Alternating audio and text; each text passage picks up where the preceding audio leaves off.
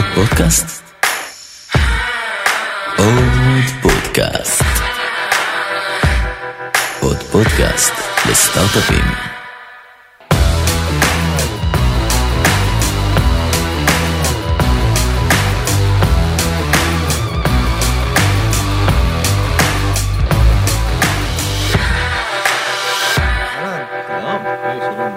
בסדר, מה שלומך? מאיר. יום מצוין. אנחנו פה עם מאיר מורגנשטרן, שזה נחמד, כי יש לו את אותו שם משפחה כמו של טל מורגנשטרן, אבל הם לא מכירים. יפה, זו אנקדוטה מעניינת כן, לצופים. ועכשיו אחרי... אני, כן, אני אני גיא, אני מומחה בטריוויה לעובדות? לעובדות לא חשובות. מאיר, מה שלומך? ספר למאזינים קצת על עצמך. אה, כן, בכיף. אה, אז אני מאיר מורגנשטרן, היום אני מנהל את המרכז פיתוח של Dropbox אה, בישראל. אה, הצטרפנו ל Dropbox לפני מספר שנים, ב-2015, אחרי אה, רכישה של אה, סטארט-אפ בשם CloudOn, שהייתי אחד ה-co-founders. אה, יש לי שני ילדים, שני חתולים, אני חובב. גדול של היסטוריה ומדע, אם יש לכם המלצות על ספרים אני תמיד אוהב אה, לשמוע. ואני שמח שאני מתארח פה.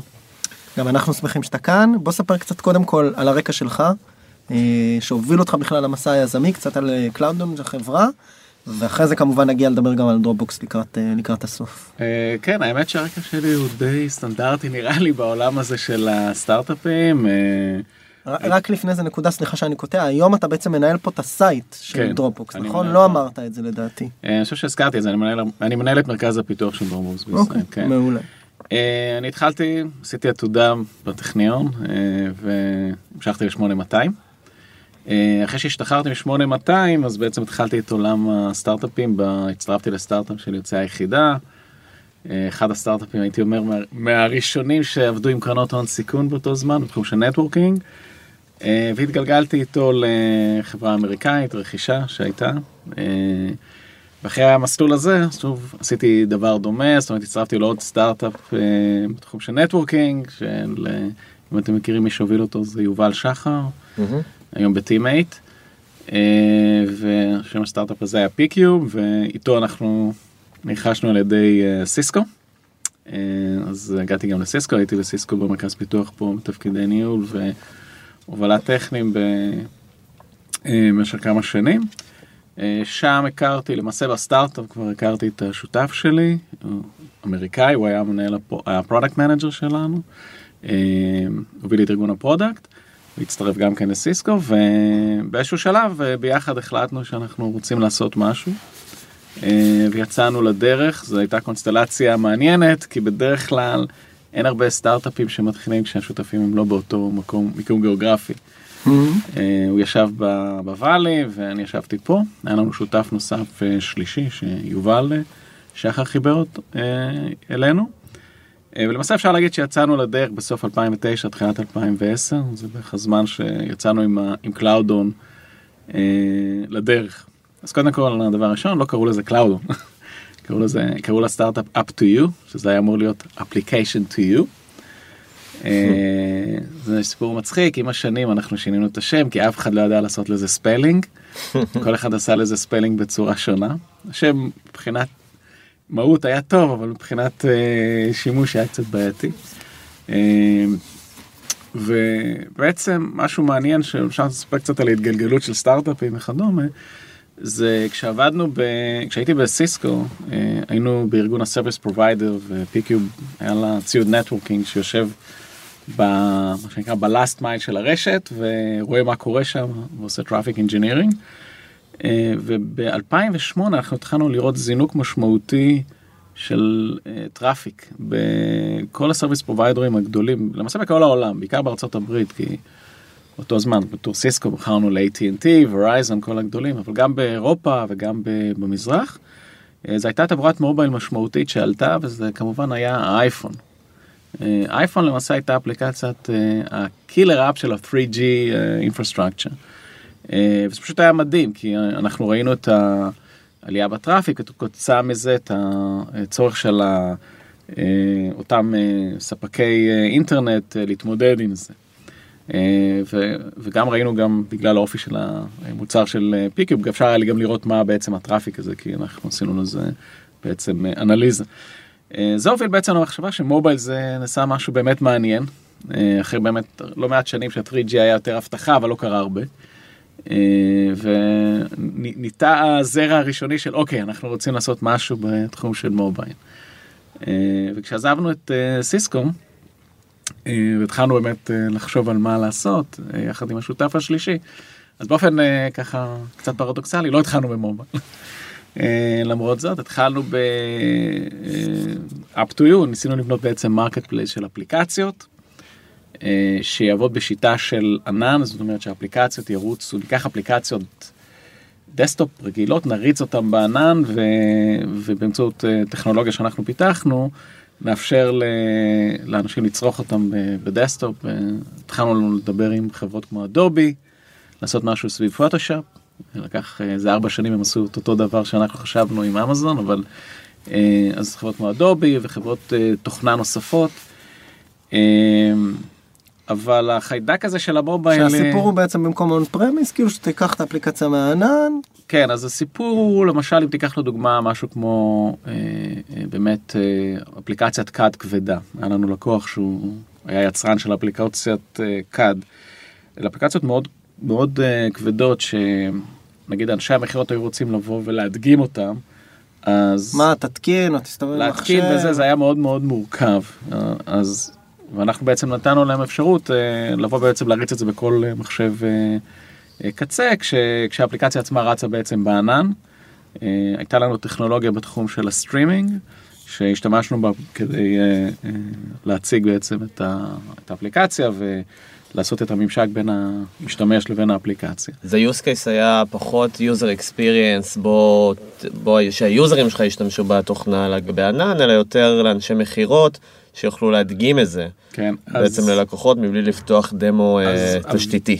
אז זה, זה היה אחד מהאפשרויות, אבל ה vision שלנו היה דווקא לבנות marketplace של אפליקציות. זאת אומרת, ממש Mm. לבוא ולהגיד, אה, אנחנו יכולים אה, לקחת בעצם כל אפליקציה שהיא כבדה ולא משנה, היא פותחה, נגיד קח דוגמה פוטושופ, גם אפליקציה כבדה מאוד שדורשת הרבה משאבים, להריץ אותה בצורה יותר יעילה. אה, ב- במחשב חזק יותר מאשר במחשב מקומי. במחשב חזק יותר, בתצורה של צריכה שהיא on demand, אתה לא חייב כל הזמן שיהיה לך את זה מותקן, ו- ובאמת לפתוח את, זה- את השוק הזה לעוד שימושים. והדוגמה הזאת של אנשי מכירות, זו הייתה אחת הדוגמאות של הראשונות שהתחלנו איתה. אבל אה, שני דברים קרו, אחד זה שהיה לנו באמת שיתוף כזה עבודה עם אדובי, שניסינו להרים איתם משהו סביב פוטושופ. אה, ובהתחלה זה התקדם טוב, אנחנו, השותף האמריקאי שלי הכיר את המנכ"ל של אדובי, עזר קצת. אז זה עזר קצת. אה, אבל באיזשהו שלב אדובי קצת, אה, חברה גדולה, הם התעכבו, וכמו שאמרתי, ארבע שנים אחר כך עשו משהו כזה עם אמזון. מצד שני, אנחנו, הייתה גם את ההכרזה של, של אייפד Mm. ב-2010, וזה דחף אותנו עוד פעם לכיוון של המובייל. מובייל. ואז עשינו חושבים, בתחילת 2011 עשינו חושבים, ניתחנו את השוק, והתחלנו לחשוב על זה שבעצם זה יכול להיות מאוד מעניין לקחת, אה, השימושים הראשונים של אייפד באותה תקופה היו שימושים של מה שנקרא consumption, זאת אומרת בראוזינג, אימייל, דברים שאתה לא מייצר, אתה עושה או entertainment למיניהם, וידאו וכאלה. אנחנו התחלנו לחשוב על זה שבעצם זה יכול להיות מעניין להפוך את האייפד למוצר, לכלי של כלי עבודה, שאתה יכול באמת גם לייצ... ליצור תוכן עליו. אה, והתחלנו לחשוב, אוקיי, אז בוא נראה, זה בעצם, אה, מה אנשים בעצם משתמשים, ומה האפליקציות ש... ש... שמשותפות להרבה אנשים. חיפשנו משהו לא נישתי.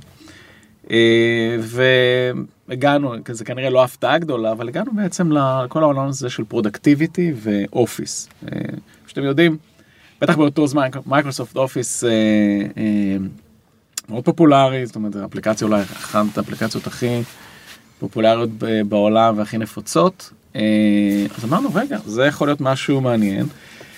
אה, ובאמת ראינו שבאותו זמן ב-iOS ובאייפד ספציפית לא היה פתרון טוב אה, למישהו שרוצה להריץ משהו שקרוב ל Office.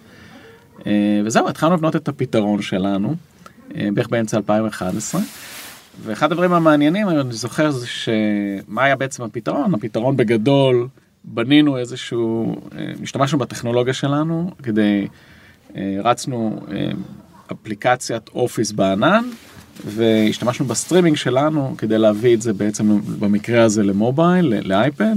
בנינו אפליקציית אייפד אה, לוקאלית.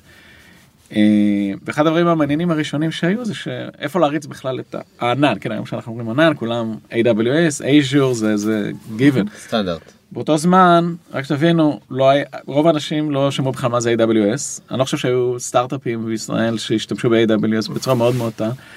אה, לא היה פה צוות של AWS, הם ישבו בלוקסמבורג. כן. אה, אנחנו הכרנו בחור בשם דן פלד, הוא היום ב- בגוגל. היום בגוגל. כן, אתה מכיר אותו? בגוגל היום? כן, בסן פרנסיסקו. נכון, הוא היה מנהל את ה... הוא ניהל את ה... מה שנקרא את האקאונטים הישראלים. ו...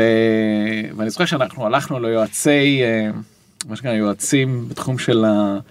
נקרא לזה DevOps, אז לא קראו לזה בדיוק DevOps, והם אמרו לנו לא לא אתם צריכים לרוץ על אה, Data Centers, אה, מה שנקרא רגילים, לא ענן וזה, ואנחנו לקחנו החלטה באותו זמן, אני חושב שזו הייתה אחת ההחלטות הטובות, ללכת על AWS, כי הייתה לנו באינטואיציה זה שזה יאפשר לנו להתרחב. להתרחב, כן. חשבנו על שאם צריך להתרחב, זו תהיה האופציה הכי טובה להתרחב.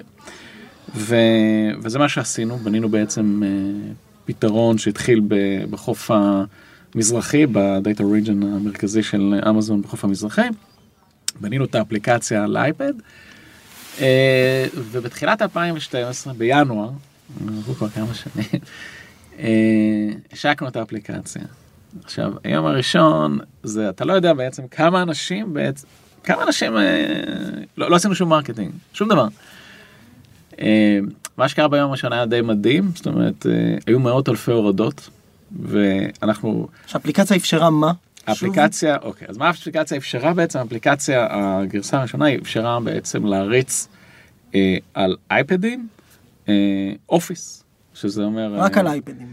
רק על אייפדים, אז הם לא שחררו גרסה לאייפד בכלל. לא הייתה מייקרוסופט, גרסה. לא היה Microsoft Office לאייפד. לא היה זאת אומרת, גרסה. אתם הייתם האפשרות היחידה לנגישות ל-Office. אנחנו היינו האפשרות היחידה וגם לא היו כמו בניגוד לאנדרואיד ששם היו יותר פתרונות Office אה, אחרים כאילו כל מיני וריאנטים זה לא היה ב-iOS. אה, מה שהיה זה רק אה, האפליקציות של אה, של אפל. של אפל. שזה יותר דומה לרימוט אופיס מבחינת האקספיריאנס, או יותר אה, כאילו remote desktop, או יותר דומה ממש user experience שונה, מותאם ל-mobile. כן, אז שאלה, זאת שאלה מצוינת, ואני אגע בה גם אחר כך, אבל אה, איך תראה את האבולוציה שלנו, אבל באמת אחד האתגרים הגדולים זה experience. אה, ועולם ה-mobile אה, זה עולם שהכניס אה, user experience ו-interface מאוד מאוד שונה. כל הנושא של gestures זה גם שונה, כל האינבנטורי שלך נראה אחרת, זאת אומרת, הכל, ואתה לוקח אפליקציה שאופיס שנבנתה במשך שנים לשימוש של קיבורד מאוס, ועכשיו אתה הולך, אה, תעביר אותה. אז באמת האתגרים שלנו היו סביב, קודם כל, לבנות משהו שהוא רץ בענן ועדיין נותן experience מבחינת latency טוב, שזה עניין טכנולוגי, ופה היה לנו הרבה IP, אבל גם בצד של האקספיריאנס על האייפד, איך לעשות את זה בצורה שהיא uh, טובה. אז כיוון שהלכנו בו באותו זמן, בשלב הראשון, אנחנו ממש עשינו, עיצבנו מחדש את ה... את ה נקרא לזה את כל ה-menus, הפכנו אותם אה, ליותר מתאימים ל- אה, לסביבה של ה-mobile, וגם, כמו שאמרתי, תמכנו בכל ה-gestures, כל gestures ש- שקיים, תמכנו בו ותרגמנו אותו בעצם לאיזשהו משהו שהוא דומה לפעולה שנעשתה עם keyboard או mouse. ו-Microsoft שיתפו איתכם פעולה על זה? אה, מייקרוסופט, אה, עבדנו עם מייקרוסופט, אנחנו היינו... הם כאילו לא התבאסו שלקחתם license ל-Office אחד ותרגמתם אותו למאות אלפי אנשים לא, אז בלי אנחנו לעשות עשינו מוניטיזציה אז? עשינו, עשינו... אה, שהיה שם מודל עסקי. היה מודל עסקי, עשינו, עשינו איתם הסכם, היה להם הסכם ל- שהוא, שהוא דומה לעולמות האלה, הוא לא היה מותאם בדיוק ל-cloud, אבל הוא היה מותאם לספק שרוצה לספק Office. אה, אה, באותו זמן, עוד פעם, מה שאמרתי, הם היו מאוד רחוקים מה, אה, מלהיכנס ל-mobile שהוא לא Windows, עולם שלהם. אה, ו... ולכן אה, החבר'ה של ה-Office מבחינתם זה היה opportunity ושוב כמו שאני אומר אנחנו גם לא ידענו כמה נצליח וזה לא זה לא היה כל כך ברור. כן. אה, אז פתחנו את זה באמת ביום הראשון והיו מאות אלפי הורדות. מאות אלפי הורדות וזה גרם לזה. בתשלום ההורדות, חשוב להגיד. אה, לא אז אה, התח- כשהתחלנו זה אז אחד מי משלם על הלייסנס? אתם? אנחנו שילמנו זה היה חלק מה היה לנו אוקיי אז אנחנו נכנסים לנושא של growth. המחשבה הראשונה שלנו הייתה קודם כל growth קודם כל adaption ואחרי זה לבנות כן, אה, אבל על מודל. כל משתמש כזה אתה צריך לשלם כסף למייקרוסופט. נכון, אז היה לנו מודל שאפשר לנו לעשות את זה בצורה סבירה. מה זאת אומרת מודל ששי... גייסתם אז באותו זמן? לא כן. דיברנו בזה. כמה אה, גייסתם? גייסנו, אנחנו היינו, אה, אנחנו בעצם אה, כשנכנסנו באותה תקופה זה היה אחרי גיוס של משהו כמו היינו בערך באזור של 10 מיליון דולר. היה לנו כסף. אוקיי, אז היה כסף בקופה לא, שמאפשר לנו לנהל כסף. את האירוע הזה. ברור, ברור, היה לנו כסף. וכמה הלך ל-user acquisition אה, בשלב אז- הזה?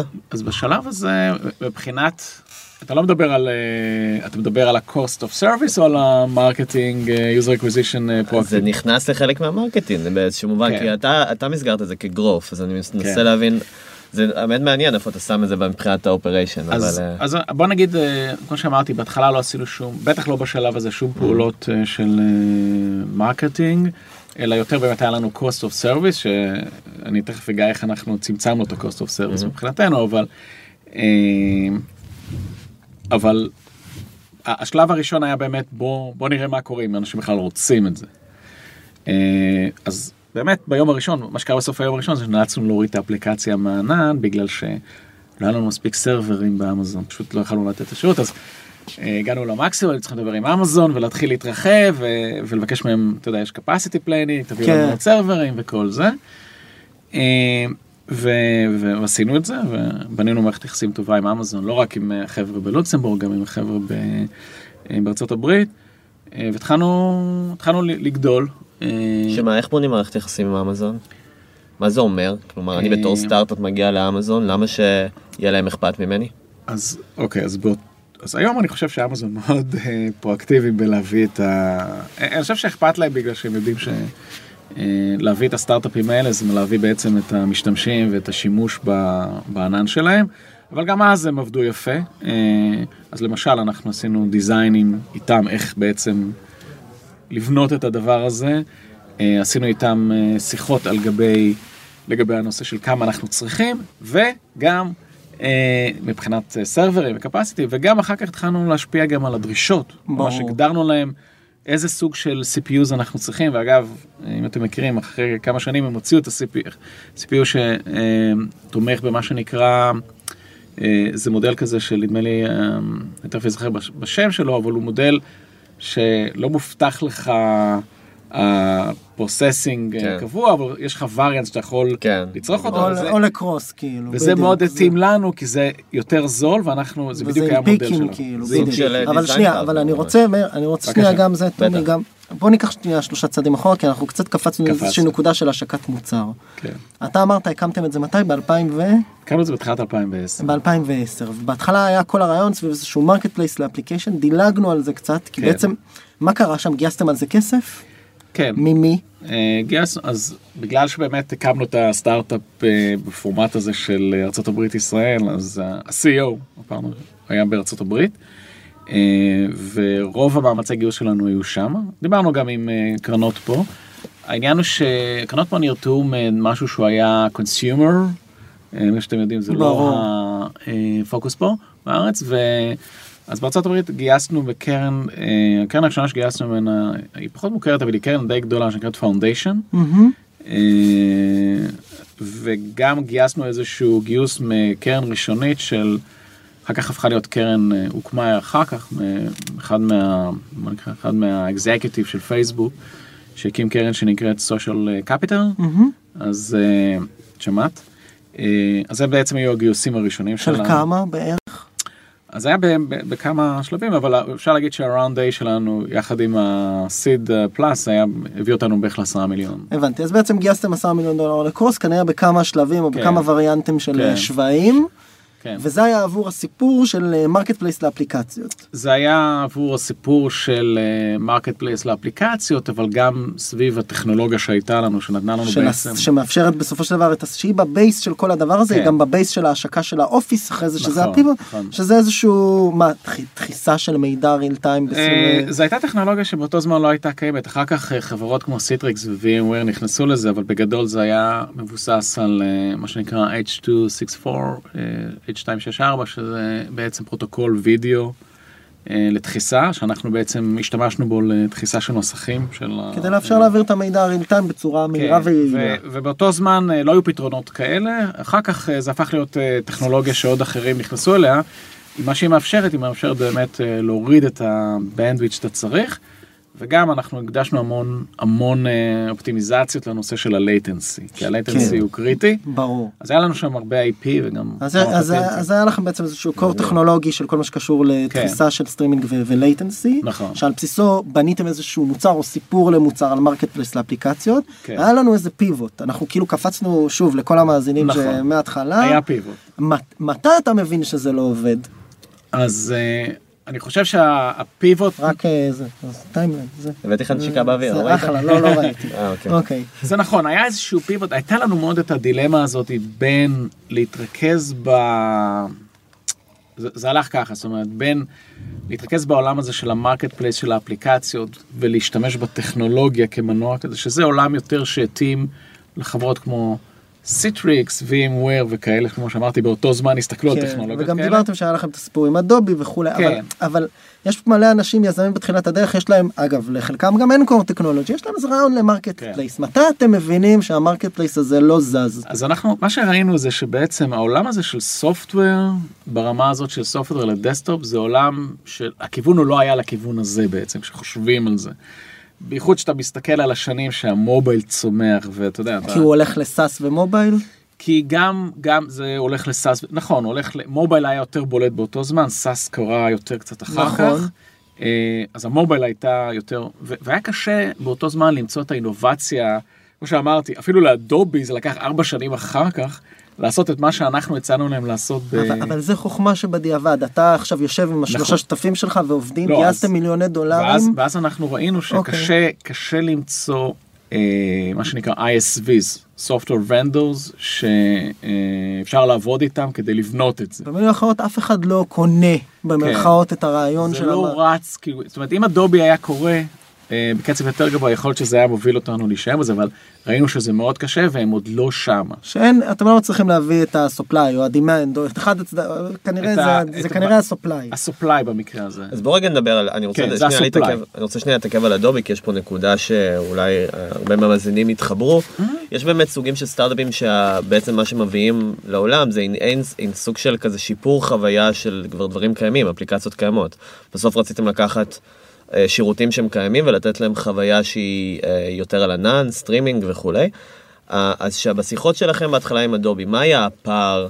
אה, פערי דמיון בוא נגיד שבעצם אז- גרם ל Adobe להגיד רגע זה עדיין לא שם. אז אני חושב שהדבר המרכזי זה כמו שציינו פה, זה שה SaaS, הקונספט של ה SaaS התפתח בצורה משמעותית בשנים אחר כך בעצם, אה, ואותן חברות באותו זמן עוד לא פיתחו את ההבנה העסקית שזה חשוב להם לספק את האפליקציות במודל של ענן. לא משנה עכשיו מה האימפלמנטציה, כן, אלא market מבחינה place עסקית. זאת אומרת, המעבר הזה בין ה-on premise אה, על ה desktop, כרגע נגיד, לבין לספק את האפליקציה כשירות, זה לא קרה באותם שנים. ומתי אתם מביאים, כמה, מה היה צריך לקרות חוץ מ Adobe, שזה אני מבין היה איזשהו קטליזטור גם בעיקר רגשי, אתה מנהל פה איזשהו strategic partnership, איזשהו מהלך ארוך, שאתה אומר זה go no go. כן, אז אנחנו, אז זה לקח לנו זמן, זה לא היה ב...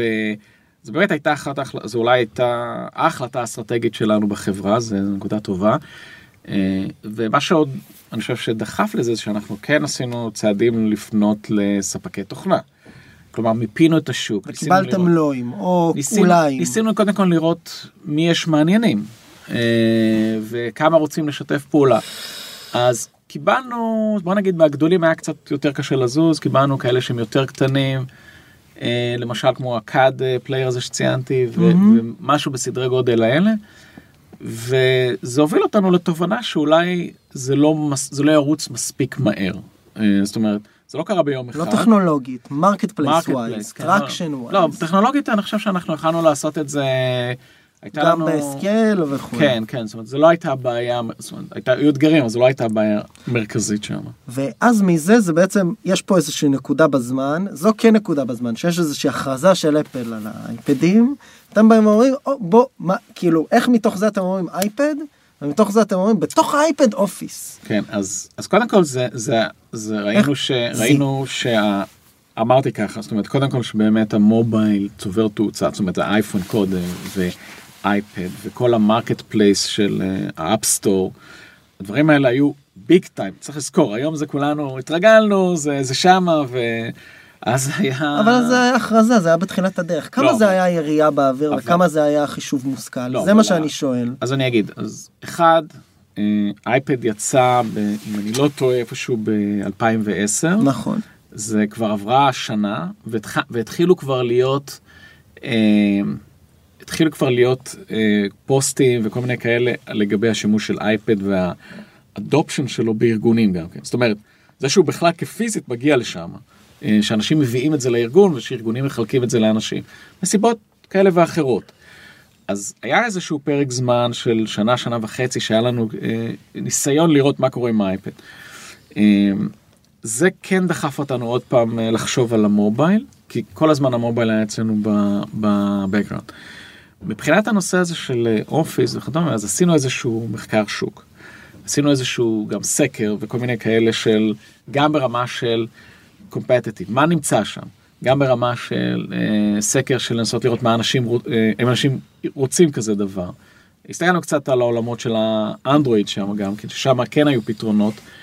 אה, אבל אתה צודק, זאת אומרת באיזשהו מקום, ואני חושב שסטארט-אפ אה, תמיד אה, נמצא, זאת אומרת, אתה מקבל פה, אתה לוקח איזשהו הימור, אתה לוקח איזשהו אה, כיוון, אה, ואתה ברגע שאתה לוקח את הכיוון אתה מנסה להצליח בצורה הכי טובה, אבל אני חושב שהרציונל מאחורי זה היה במקום, זאת אומרת, אה, אנחנו עשינו לא מזמן אה, סדנת מכירות לכמה סטארט-אפים, לא כן. חשוב, לא קשור לפעילות ליבה שלי.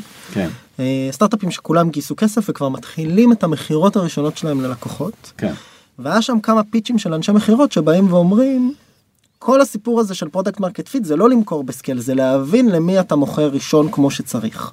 ויש המון לחץ, ועכשיו אני מגיע לשאלה, ויש המון לחץ מצד משקיע שהבאת כסף, מיליון דולר או עשרה מיליון דולר במקרה שלכם, לבוא ולהראות ביצועים. כן. מתי, מתי אתם מבינים שצריך להתגבר פה על הדיסוננס שגייסתם עשרה מיליון דולר על טכנולוגיה מסוימת עם יישום ספציפי, כשבעצם היישום הולך להיות משהו אחר לגמרי, או שזה לא שינה לאף אחד מהמשקיעים שלכם?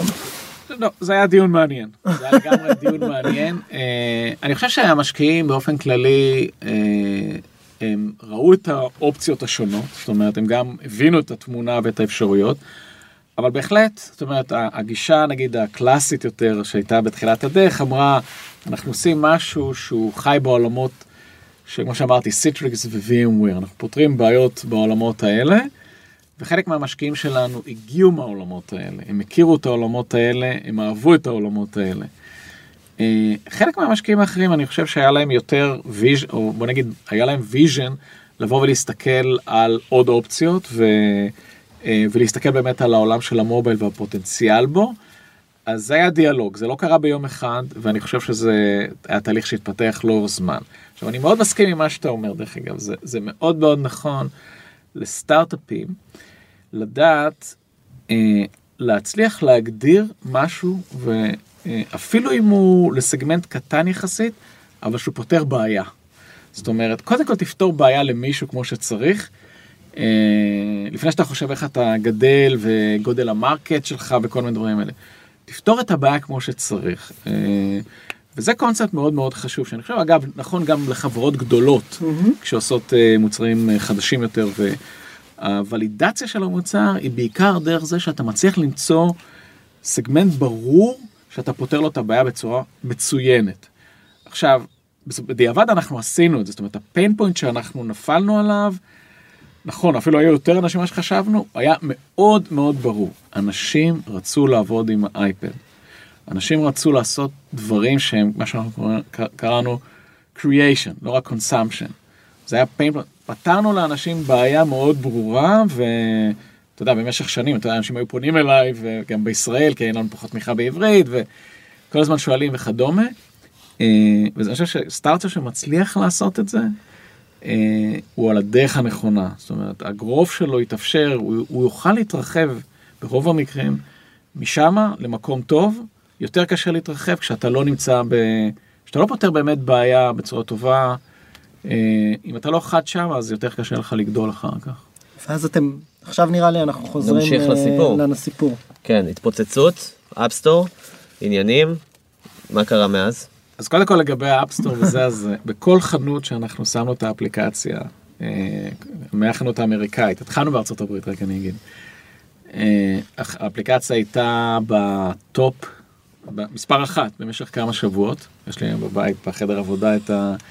אה, אנחנו לפני טמפל רן שם וכל הזה זה היה זה ש... טמפל רן. כן. באותה תקופה, כן. לפני המשחקים וזה. אה, ובעצם מה שקרה אחר כך, אה, אנחנו התחלנו, דיברנו על אמזון. הצורה שהאפליקציה שלנו הייתה בנויה מבחינת ה-server side, היינו צריכים להיות קרובים ליוזר. לכן התחלנו לפרוס אותה בגיאוגרפיות בעולם, זאת אומרת התחלנו מהחוף המערבי, המזרחי, עברנו לחוף המערבי, עברנו ל, אה, לאירופה. רגע רגע מה זה עברנו? אני היום יש לי תוכנה שהיא אפליקציה לאייפד או, או אייפון. כן. או, מה זה עברתי? אני, אני משיק אותה per גיאוגרפיה? אתה יכול להשיק per גיאוגרפיה, כן. לחנויות. אני לא משחרר אותה ל App Store וזהו? אה, לא, אתה יכול לשחרר per, אה, per גיאוגרפיה. אז כן. המהלך השחרור הגרנולרי של הטכנולוגיה שלכם פר גיאוגרפיה היה מחושב? היה מחושב לגמרי, כי היינו צריכים uh, לבנות את ה... את ה... ופה אמזון, פה העבודה מעל אמזון פשוט הייתה פנטסטית, בגלל הקונספט של הריג'נים שלהם, בג... בגיאוגרפיות השונות, זאת אומרת, across the... uh, uh, בהתחלה הם היו רק בארצות הברית, אחר כך הם נכנסו, באותה תקופה הם נכנסו לאירופה, למזרח, התחילו להוסיף, uh, נדמה לי גם. אחר כך גם באוסטרליה, ועוד ועוד ריג'נים, ברגע, כל ריג'ן שהם הוסיפו, אנחנו נכנסנו לשם, בהתחלה זה אפשר לנו להתרחב לעוד גיאוגרפיות, ואחר כך זה שיפר לנו את החוויית משתמש. אה, מבחינתנו זה היה פנטסטי, זה אפשר לנו פשוט אה, משהו גלובלי, אה, במאמץ יחסית קטן מבחינת אה, הנדסית, אה, והתחלנו להפיץ את זה ב- ב- ב- בעולם בעצם ולגדול בצורה הזאתי. over time, רק כדי לסבר את האוזן, היו לנו עשרה מיליון משתמשים אה, רשומים לאפליקציה, והיה לנו, הגענו ל-monthly active של אה, באזור המיליון קצת יותר, שזה בהחלט שימוש משמעותי. וזה עדיין בלי הכנסות, בלי שום שקל מהיוזר. אז ועם יש- הוצאות עתק על ענן ו subscription למייקרוסופט. אז ההוצאות, ההוצאות היו, קודם כל כמובן שעשינו הרבה מאוד אופטימיזציה להוצאות, רק כדי, זה מבחינת המהנדסים, אנחנו פשוט עיתונאים אז אנחנו משתמשים בפאתוס אז להגיד הוצאות זה לא מעניין אז אתה אומר הוצאות עתק. הוצאות עתק, כן. עתק. אבל כן. בהחלט זה היה חמש משהו- דולר per user. זה בהחלט היה משהו ש... זה דרך אגב הוביל לשיחות מהסוג הזה עם אמזון שאנחנו רוצים CPU מסוג אה, מסוים כדי שיוזיל ו- ובאמת חלק מה... כמונו ואחרים שנתנו להם את הדרישות אה, לקח להם זמן אבל הם בסוף הוציאו את הדברים. עיצבו את מהו AWS עיצבו. את ה... את ממש דיזיין פרטנר. ממש. design partners. והאמת שאחד מהחבר'ה שלנו בארצות הברית אחר כך אה, עבר לעבוד באמזון ו... זאת אומרת היה לנו באמת יחסים טובים שמה והשפעה. אה, אבל כן אנחנו עשינו באמת הרבה מאמצים של אופטימיזציות של cost ואלגוריתמים של אה, מה שנקרא resource allocation ש user היה מתחבר היה מקבל סרבר קטן כזה micro server מתנתק היינו מורידים את הסרבר או נותנים ל user אחר. כל החוכמה הזאת עשינו בעצמנו זה היה חלק מה... לא לא היה dead weight בשירות. מבחינת אה, לחכות אתה מתכוון? לא, מבחינת כשהיה ממש אופטימיזציה מלאה לצריכה לפי... והיה לכם capacity קבוע כן. מראש אה, שאתם כן, יכולים כן. לצרוך לנו- over time. היה לנו ממש מודל יפה של resource management של עם איזשהו מינימום שאתה יכול, שאתה מחזיק אותו כדי שיהיה, שתוכל לתת אה, תגובה מ-. מהירה. ומצד שני לא יותר מדי כדי שלא תבזבז ולא יהיה.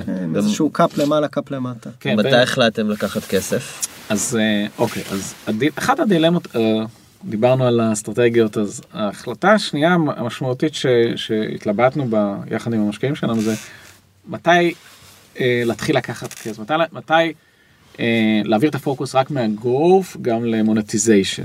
אה, והיו, גם פה היו מה שנקרא מפלגות. שזה חייב להתנגש? כאילו אתה לא יכול מפלגות, לקחת... הוא מדבר על פוליטיקה. parties. זה חייב אה, להתנגש? צמיחה ו monetization? זה לא יכול לבוא ביחד? אז אני אתן לך דוגמה איפה זה. זאת אומרת, התשובה היא שזה לא חייב, אבל זה, בהרבה מאוד מקרים אני חושב שזה כן מתנגש, כי למשל, הממדים של הצמיחה שלנו היו, בוא רק אני אגיד מה היו ממדים, היה לנו ממד אחד, מה שציינתי, גיאוגרפי, יותר ויותר מדינות, שזה היה יותר קל. הממד השני זה שכמו שאמרתי, אנחנו התחלנו בהתחלה באייפד, ב-iOS אייפד, ואז, ואז היה לנו מימד של אוקיי, בוא נהיה גם על אייפון, בוא נהיה גם על אנדרואיד, אה, בוא נהיה גם על ווב, זאת אומרת, בוא נרחיב את האפשרויות האלה לעוד אה, פלטפורמות. עוד פלטפורמות, וכל פלטפורמה כזאת זה עולם שלם. אז בהחלט זה דרש השקעה גדולה של אה, פיתוח. והמחשבה הייתה שזה, שזה באמת יביא הרבה מאוד משתמשים נוספים, ואם נהיה רק על האייפד זה יגביל את השימוש, כי ה-workflow שלך, אתה יודע, אתה מתחיל במכשיר הזה, אתה רוצה לעבור למכשיר הזה, ואתה בעצם מוגבל רק לאייפד. אה, מצד שני, כשאתה מסתכל על monetization, אז, אז אתה נכנס באמת לאלמנטים, קודם כל מה המודל שאתה עושה monetization.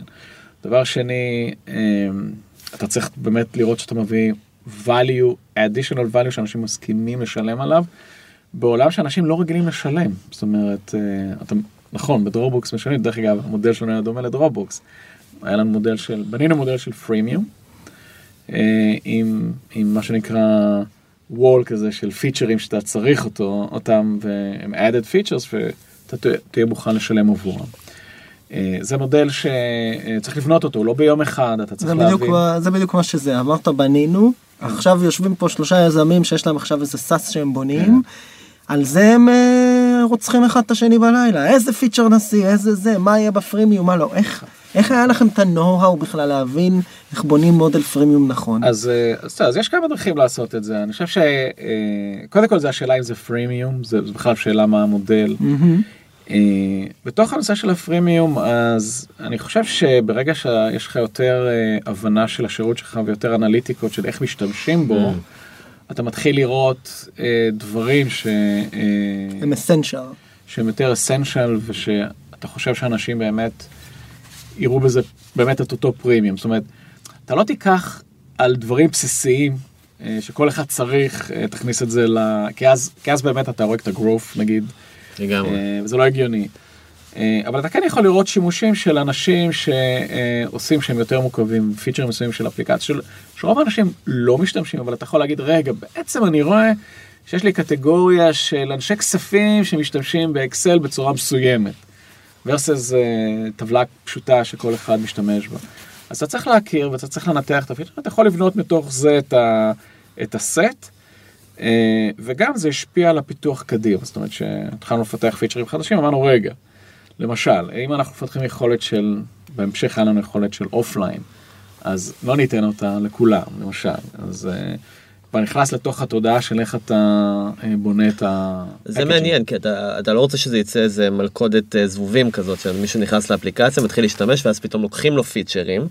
זה אז אתה לא אתה תמיד, לעשות. אתה לא רוצה לעשות, כי יש, יש כאלה, לי קרו כמה פעמים שאתה יודע, כן. SaaS שהשתמשתי בהם, פתאום החברה, כי אני כזה early adapter, אז אני התחלתי להשתמש בזה אפליקציה, מאוד אהבתי, התמכרתי אליה, בסוף הפיצ'רים נלקחו ממני ובעצם הפכו להיות אה, זה- במודל זה- פרימיום כמו Evernote לדוגמה. Evernote, כן. וזה משהו שגרם לכל כך הרבה יוזרים להיות מדוכאים ומתוסכלים וה brand ירד בצורה זה- דרסטית. זה לגמרי, זה, זה אחד הדברים שאסור לעשות, ובגלל זה אני אומר שמרגע ש...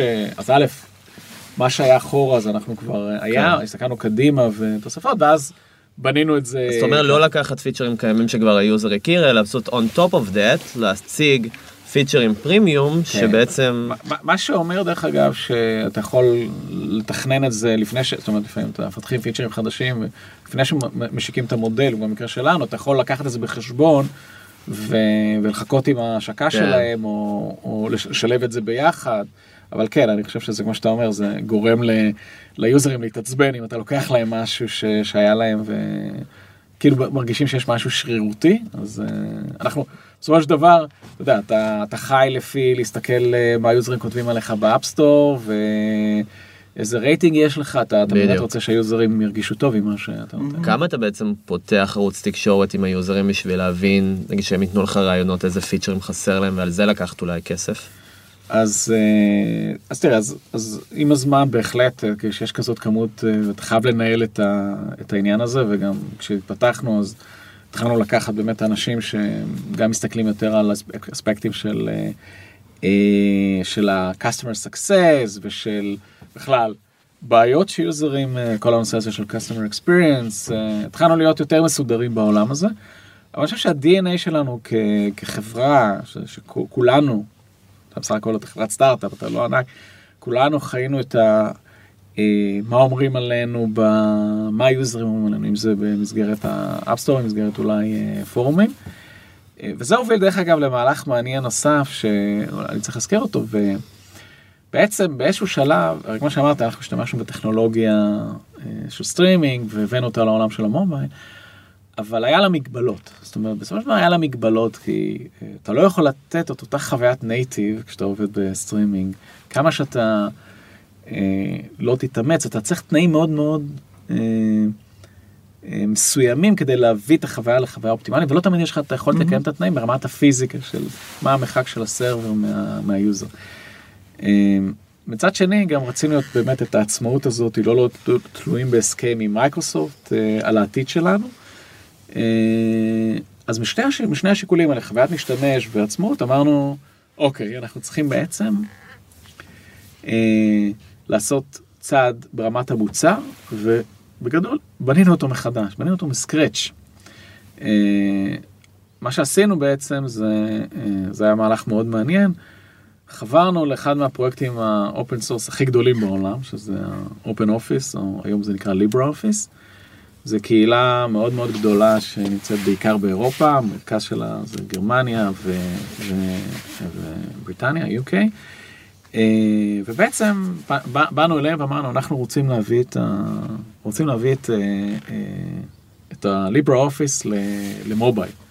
והם מאוד שמחו על זה באופן טבעי כי הם רצו, הם מאוד היו ממוקדי desktop, הם שמחו מאוד שמישהו רוצה להביא אותם למובייל. אז התחלנו בעצם שיתוף פעולה, זה מבחינה טכנולוגית זה, זה פרויקט לא פשוט. זה הצמיח לנו גם את ה engineering בצורה משמעותית. בשיא היה לנו, זה קצת מוגזם, אבל הגענו למצב שהיה לנו פיתוח בישראל, בארצות הברית, ברומניה, בהודו ובאירופה, בכמה מדינות. כי היינו צריכים כל מיני חלקים של העסק הזה להביא ביחד, אז הייתה אופרציה די גדולה. אה, אבל בנינו אפליקציה שהיא אה, גם אפליקציית אופיס, מבוססת על LibreOffice, שזה היה המתחרה הכי משמעותי למיקרוסופט אופיס. very very slick מבחינת ה design שלה, ממש מותאמת ל native, native מובייל, ולכאורה זה בעצם היה טוב משני העולמות מבחינת... אה, התחרתם בעצמכם קצת גם. התחרינו בעצמנו, אבל זה היה, זה, זה, זה אחד ה... אולי הש, כשאני חוזר לשאלות שדיברנו מקודם, על מה אתה צריך להתמקד, זה אולי אחד הדילמות שלנו, האם... מתי לעשות את זה, כי זו הייתה השקעה מאוד גדולה. זה אומר שבעצם הסטנו את כל ההשקעה שלנו הפיתוחית לכיוון של... אבל הבנתם ששם יש כסף פשוט. ושאנשים יהיו מוכנים לשלם אם זה טוב. הבנו שבשוק כמו שהוא מתפתח, אם לא נעשה את המהלך הזה, לא יהיה, לא יהיה, אה, זה לא סוסטיינבל הפתרון הקיים שלנו. כי למה? כי אמרת שמייקרוסופט הציעו משהו. לא, וגם הסטרימינג הוא בסוף לא slick. כי הסטרימינג הוא מוגבל, וברגע שאנשים יתרגלו יותר לחוויה טובה, mm. וגם מדברים על המשתמשים שלנו, קיבלנו, זה לא היה אחיד, כי זה היה תלוי בתנאים, אבל קיבלנו גם פידבקים על חוויית משתמש, latencies, דברים כאלה, מדדנו את זה. אז ראינו שיש בעיות, שאנחנו, כמה שלא נשקיע במודל הקיים, אפשר לפתור את זה עד רמה מסוימת. מאיר, כן. אני רוצה לקחת אותנו קצת קדימה, אז הוצאתם את האפליקציה הזו, אני מניח שזה, בואו נדבר, מתי אה, מקבלים, אה, מקבלים חשבונית מדרופבוקס לפני הרכישה? איך זה עובד, כאילו, התהליך הזה? אוקיי, אז קצת עלינו ועל דרופבוקס. תראה, כשהשקנו את השירות... לא על המוצר של דרופבוקס, על, כן. עליכם אל מול דרופבוקס. כשהשקנו את השירות ב-2012, אז בעצם, אחת עוד פעם החלטות שעשינו זה לא, לא לבוא עם storage של עצמנו. התחלנו לחשוב על זה, ראינו שזה, א', זה לוקח מאמץ, וב' זה נראה לא הגיוני, כי חברות כמו דרופבוקס מאוד פופולריות בלשמור את ה... שמרתם את זה שם. אז כן, אז בנינו את השירות מההתחלה, ככה שה storage יהיה לא אצלנו, אצל מישהו כמו Cloud Storage, כמו דרופבוקס. ודרופבוקס היו ראשונים. מה שקרה זה שדרך האפליקציה שלנו אה, הגיעו כמות מאוד גדולה של משתמשים חדשים לדרופבוקס. שהייתה כמות איכותית, לא רק כמות, אלא גם מאוד איכותית. כי כשאתה מסתכל על uh, מי הפרופיל של המשתמשים, אז קודם כל ידוע שכל מי שרץ על iOS הוא פוטנציאל, זה, זה high profile. והדבר השני זה משתמשים של אופיס, עוד פעם זה עבודה. זה פשוט החלום הרטוב של אה, סוג המשתמשים. אנשים- משתמשים שישלמו בסוף, בסוף ה funnel. אלה משתמשים שישלמו, כן, והבאנו הרבה מאוד משתמשים כאלה לדרופבוקס. אה, דרופבוקס, אה, זה יצר באמת מערכת יחסים עם Dropbox. אה, ולמשל, אחד הדברים שעשינו זה ש Dropbox עשו קמפיין לכמה אפליקציות שהם היו מאוד, בוא נגיד, אה, מאוד, אה, בשימוש מאוד גבוה על ידי משתמשים שלהם, ועשו לנו קמפיין בעצם לכל משתמשי ה-iOS של Dropbox על, אה, על האפליקציה שלנו. זה כמובן מה שנקרא, אתם מביאים לנו יוזרים, אנחנו נביא לכם. בדיוק, זה היה כזה win win כזה. אתם הבנתם את הכוח שלכם אל מול Dropbox באותם ימים? אה, שזה רק בדיעבד עכשיו שאתה אני- בצד אני- השני. בדיעבד הוא חושב- בטוח מבין. כן, אבל- חלקית. אני אני חושב שלא, האמת שלא. לא ברמה שהיום אני מבין את המשמעות של זה. אה, כשאני מסתכל על מיליון משתמשים בחודש אקטיביים שמשתמשים בפרופיל כל כך אה, משמעותי אה, מבחינת אה, הפוטנציאל שלהם, אז אני חושב שבאותו זמן לא, אני לא חושב שהבנו עד הסוף את המשמעות של זה. אבל זה כן ראינו שזה ללא ספק הביא הרבה מאוד traction. עכשיו אנחנו המשכנו עם זה עשינו את זה זאת אומרת עשינו גם עם אינטגרציות עם גוגל ועם OneDrive ו Box ואפילו עוד דברים יותר איזוטריים כמו דויטשה טלקום וכאלה. היה לנו איזה שיתוף פעולה שם. Dropbox תמיד הייתה היה מספר אחד אה, אתם יכולים להניח Dropbox הוא מספר אחד Google Drive מספר 2 OneDrive מספר 3 וכל האחרים לא רלוונטיים. זה, זה לא מסובך כל כך. אה, אז אה, כל מערכת היחסים עם Dropbox נמשכה לאורך כל השנים. אה, ו... מהצד של Dropbox הייתי אומר Dropbox באופן כללי הלכה לכיוון מעניין היא בעצמה. אה, יש קצת הקבל, אה, הקבלה בין CloudOn ל Dropbox של מוצר שהתחיל כ consumer. אחר כך התחיל לראות בעצם שהשימושים, יש שימושים שהם שימושים שהם יותר שימושים professional מה שנקרא. אתה professional, יותר enterprise. ו- ואחר כך הלך לכיוון של business. אה, אז כל העניין שלהם גם בעולמות האלה הלך וגבר עם, עם הזמן והם התחילו לעשות כל מיני צעדים בכיוון הזה.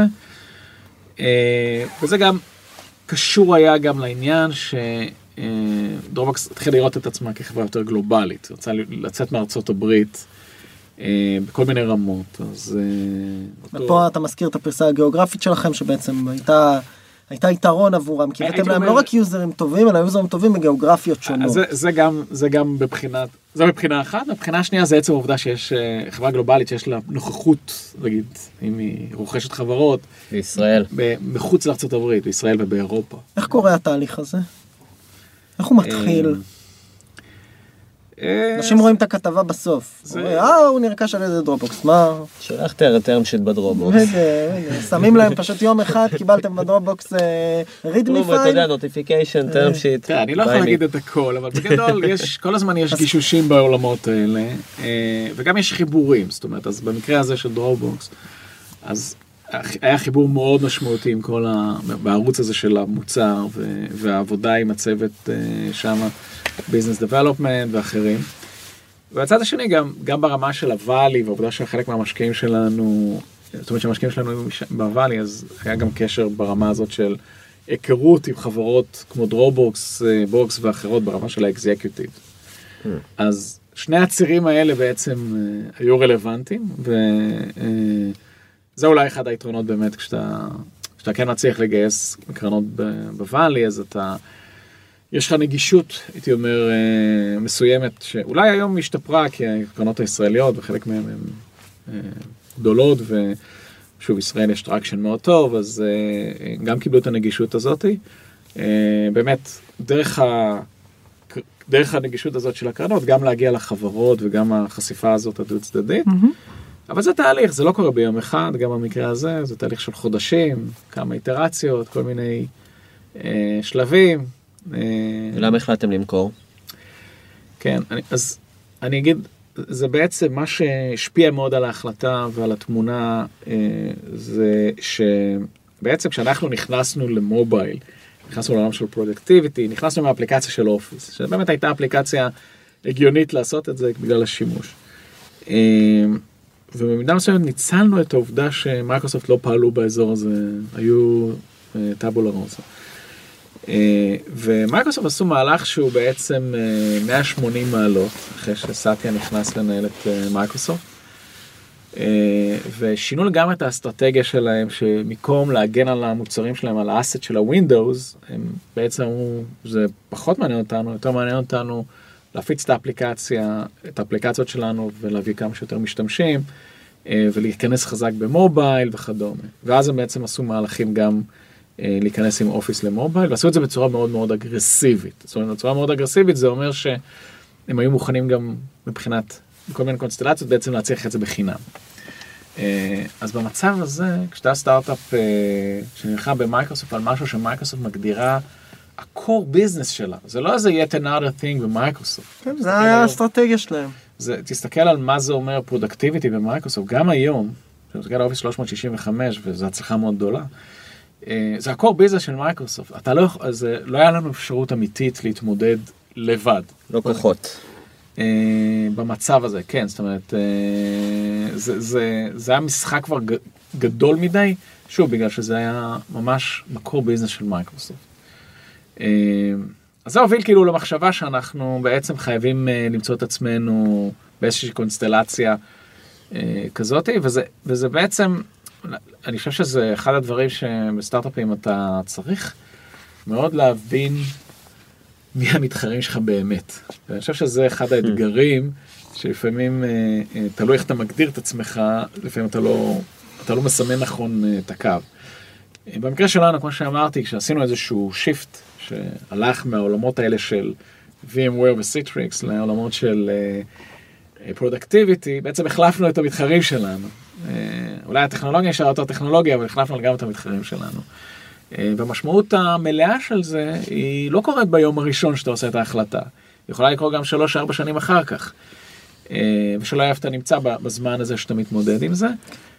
אז כאן גם עצה ליזמים זה באמת לעשות איזשהו ניתוח אמיתי של אה, ה-competitive landscape, לא במובן הזה שאתה צריך אה, לחקות את המתחרים שלך או משהו בסגנון הזה, אלא להבין אבל עם מי אתה מתחרה. כדי שתוכל לבנות אסטרטגיות נכונות מול התחרות הזאת. אני חושב שאנחנו במידה מסוימת הבנו את זה, אבל אולי לא הפנמנו את זה עד הסוף, בשלבים מוקדמים, כי אולי זה היה משפיע על חלק מההחלטות שלנו. אתה יודע, זה בחומה שבדיעבד, אבל אה, זה לא שלא הכרנו את הסיטואציה של מייקרוסופט, אבל לא, לא, לא, קשה היה לנו להעריך אולי את, ה, את המהלך, את המשמעות של אה, מתי הם יפעלו ואיך הם יפעלו.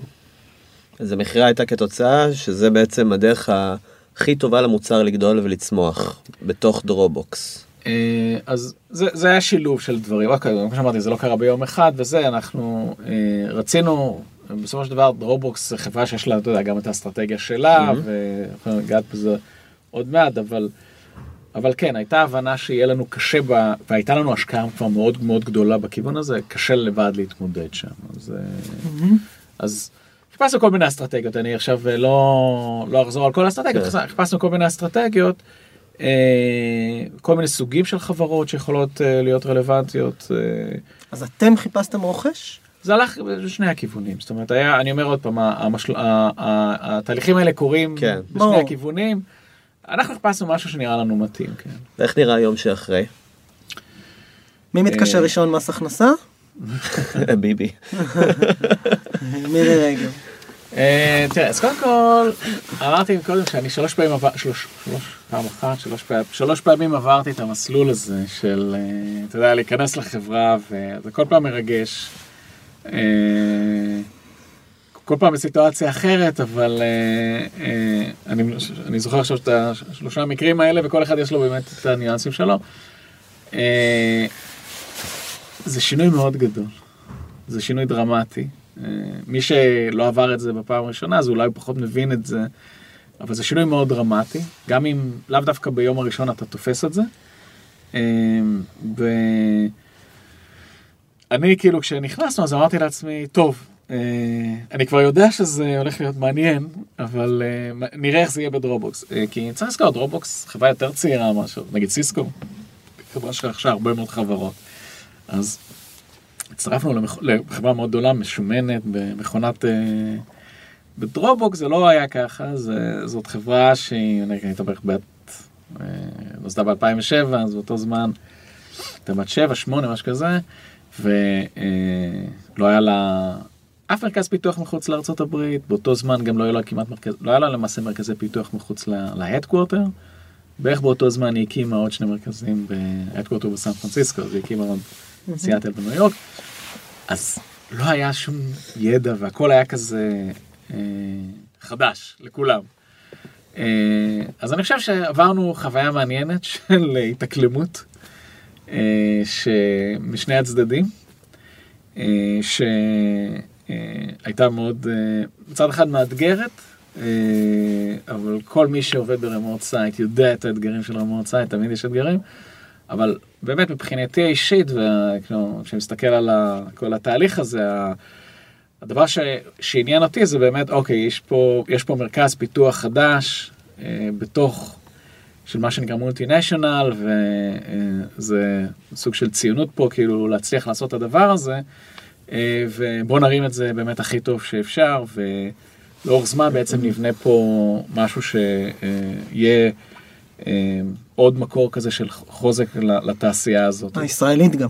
לגמרי. אם... אז, אז רגע, כמה אתם היום במרכז פה בארץ? 50 אנשים. אנחנו פשוט ככה לקראת סיום. מה, מה תפקיד המרכז היום בתוך האקוסיסטם של Dropbox? אז היום ב Dropbox אה, אנחנו בעצם, כשנכנסנו ל Dropbox, Dropbox הייתה בתהליך של אה, לעבור ל business. Mm-hmm. היום אנחנו נמצאים בעיקר בלפתח יכולות לעולם של Dropbox Business, שזה תחום מאוד צומח בשנים האחרונות ב Dropbox. Utilities. אנחנו בעצם אחראים, יש על ל Dropbox איזשהו trademark כזה שנקרא admin next, אנחנו אחראים לכל בעצם, היום רק כדי לסבר את האוזן, Dropbox מותקנת בלמעלה מ-300 אלף עסקים שמשלמים עבור Dropbox. כמה משתמשים יש ב Dropbox across the board? ממש מספר אם אפשר לחלוק? אה, אני יכול לחלוק מה שמפורסם, זאת אומרת, לחלוק מה שמפורסם. יש לדרופבוקס היום למעלה מ-11 מיליון משתמשים. אה, יוזרים. יוזרים, אה, אני אגיד רגע, משלמים, ויש למעלה מ-300 אלף עסקים משלמים. אנחנו... זה אומר שיש עשרות או מאות מיליונים של פרימיומים כאלה, של... כן, כן, זה מפורסם, יש משהו כמו חצי מיליארד. כן, זה להפעיל מדדי קונברג'ן כן. סטנדרטיים. ואנחנו בעצם מובילים את פיתוח של כל סט הכלים והיכולות של שהולכים בעצם לעולם של ה business. מחפשים עובדים? אנחנו מחפשים עובדים, אנחנו מגייסים גם אנשי product, גם אנשי design, אהבת, אהבת שהרמתי לך. לגמרי. אתם עושים שופינג גם לסטארט-אפים? לגמרי, כן, אנחנו... שמה זה, זה צוות scouting או שאתה עושה את זה? אנחנו עושים את זה, אנחנו עושים, קודם כל מאוד חשוב לנו החיבור לאקוסיסטם בישראל, mm-hmm. לסטארט-אפים, ל-VCs, אני מכיר לא מעט מה-VCs.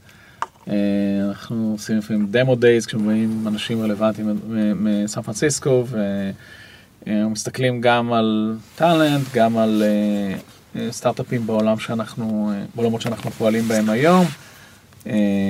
אני מאוד מאמין שאנחנו נראה דברים בחזית הזאת, קוראים, אופולי גם ב-2019. אני חושב שאחד מהחוזקים של, שלנו פה זה החיבור שלנו ומה אנחנו יכולים. כן, לגמרי, אני מאוד mm. מאמין בזה, אה, ואנחנו משקיעים בזה. ואיך אנחנו עושים את זה? אנחנו עושים את זה ברמה כרגע, אנחנו לא מספיק גדולים כדי שנשים פה מישהו שזה full time, ואנחנו משקיעים בזה לא מעט אנרגיות ברמה של ה leadership של ה site אצלנו. מעולה, טוב, אז מי שמאזין, יש פה נציגות בארץ. רק אם אתם מאחסנים את הקבצים שלכם ב Dropbox, כן, לפנות בבקשה. אם אתם Drive, אתם אה, אל כן. תנסו אפילו. מה זה סתם, סתם. יהיו פה רמת, זה בצחוק, כן? לא, לא בצחוק. מאיר, תודה רבה. אה, אני רוצה רק לציין אה, בשמחה שהפודקאסט הזה משתמש ב Dropbox, אז... אה, לגמרי. נכון, נכון. ומקבל גם שדרוג ל storage שלו. כן, אבל אם לא נקבל כל קופון אחרי שהמיקרופון נכבה, אנחנו עוברים ל Drive. טוב, תודה רבה, מאיר. תודה, מאיר. היה ממש כיף, ואני מקווה שזה יעזור ליזמים חדשים, היזמים שנמצאים בתהליך כרגע. נשמור את זה בדרופבוקס ונעדכן. תודה. תודה רבה.